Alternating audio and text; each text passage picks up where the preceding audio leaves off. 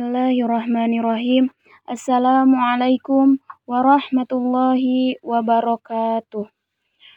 Alhamdulillah, alhamdulillahi rabbil alamin. Wassalatu wassalamu ala asrafil anbiya'i wal mursalin wa ala alihi wa sahbihi ajmain amma ba'du. Pertama-tama dan yang paling utama, marilah kita panjatkan puji beserta syukur kehadirat Allah Subhanahu wa taala yang mana telah memberikan kita nikmat yaitu iman dan Islam serta kesehatan. Salawat beserta salam semoga tetap tercurah limpahkan kepada junjunan kita yakni Kanjeng Nabi Muhammad Sallallahu alaihi wasallam yang mana beliau telah membawa kita dari zaman kegelapan menuju zaman terang menderang seperti sekarang ini.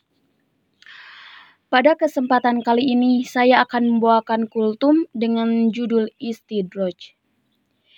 Istidroj adalah kenikmatan yang diberikan Allah Subhanahu wa Ta'ala tanpa melalui keimanan dan syariat yang dikerjakan. Ketika seseorang diberi nikmat berupa rizki yang melimpah, kesehatan hidup, kesehatan yang terus-menerus, panjang umur, dan sebagainya, namun dengan nikmat tersebut dia malah semakin jauh dengan Allah. Maka bisa jadi itulah istidroj yang akan mendekatkan mereka dengan azabnya Allah.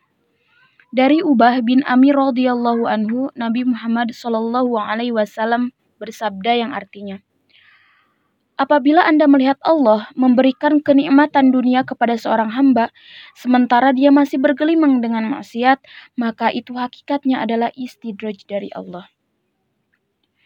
Nah, ketika seseorang lupa kepada Allah dan tidak mengindahkan peringatannya, maka bisa saja Allah membukakan pintu istidraj kepada mereka. Mengapa? Karena Allah itu cemburu cemburu kepada hambanya yang terlalu sibuk kepada dunia sampai-sampai ia lupa kepada Allah, lupa berzikir kepada Allah, lupa bersujud kepada Allah, lupa meminta sesuatu hanya kepada Allah. Dan Allah itu sayang kepada hambanya, ingin dekat dengan hambanya. Nah, kita mungkin melihat orang kafir atau ahli maksiat ketika dia sangat jauh dari Allah Subhanahu wa taala, namun mereka malah mempunyai harta yang banyak, lebih makmur dan lebih sukses dari orang yang sering melakukan ibadah ataupun dekat dengan Allah. Ketahuilah bahwasannya itu itulah mungkin istidraj yang akan semakin melalaikan mereka. Nah, ciri-ciri istidraj itu ada empat. Yang pertama, ibadah kita semakin turun, namun kesenangan kita makin melimpah. Dari Ibnu Al-Tailah berkata, Hendaklah engkau takut jika selalu mendapatkan karunia, dari Allah, sementara engkau tetap dalam perbuatan maksiat kepadanya. Jangan sampai karunia itu semata-mata istidraj dari Allah. Jadi, ketika kita mendapatkan kesenangan, mendapatkan kesenangan hidup yang begitu senang, tetapi di sisi lain kita maksiat kepada Allah.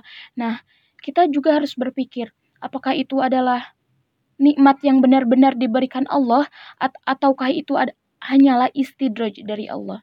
Yang kedua, kita melakukan maksiat tapi malah kita tapi malah makin banyak kesenangan. Dari Ali bin Abi Thalib radhiyallahu anhu berkata, "Hai anak Adam, ingat dan waspadalah bila kau lihat Tuhanmu terus-menerus melimpahkan nikmat atas dirimu sementara engkau terus-menerus melakukan maksiat kepadanya." Yang ketiga, semakin kita kikir namun harta semakin banyak. Sebagaimana kita ketahui bahwa sebetulnya sodako itu dapat membuat harta kita semakin banyak ya. Ketika kita dihinggapi sikap, sikap kikir, tak pernah zakat, infak, sodako, ataupun menggulurkan tangan kita untuk membantu orang lain, namun justru harta semakin melimpah ruah. Nah, itulah bisa menjadi ciri-ciri dari istidroj. Yang keempat, jarang sakit. Nah, dari Imam Syafi'i berkata, setiap orang pasti pernah mengalami sakit suatu ketika dalam hidupnya. Jika engkau tidak pernah mengalami sakit, maka tengoklah ke belakang. Mungkin ada yang salah dengan dirimu.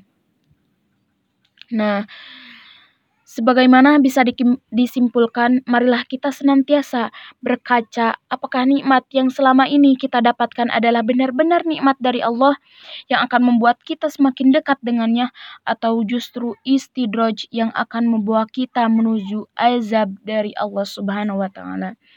Sekian dari saya, mohon maaf bila ada kesalahan karena kesalahan datangnya dari saya sendiri dan kebenaran datangnya dari Allah. Wabillahi taufik walidayah.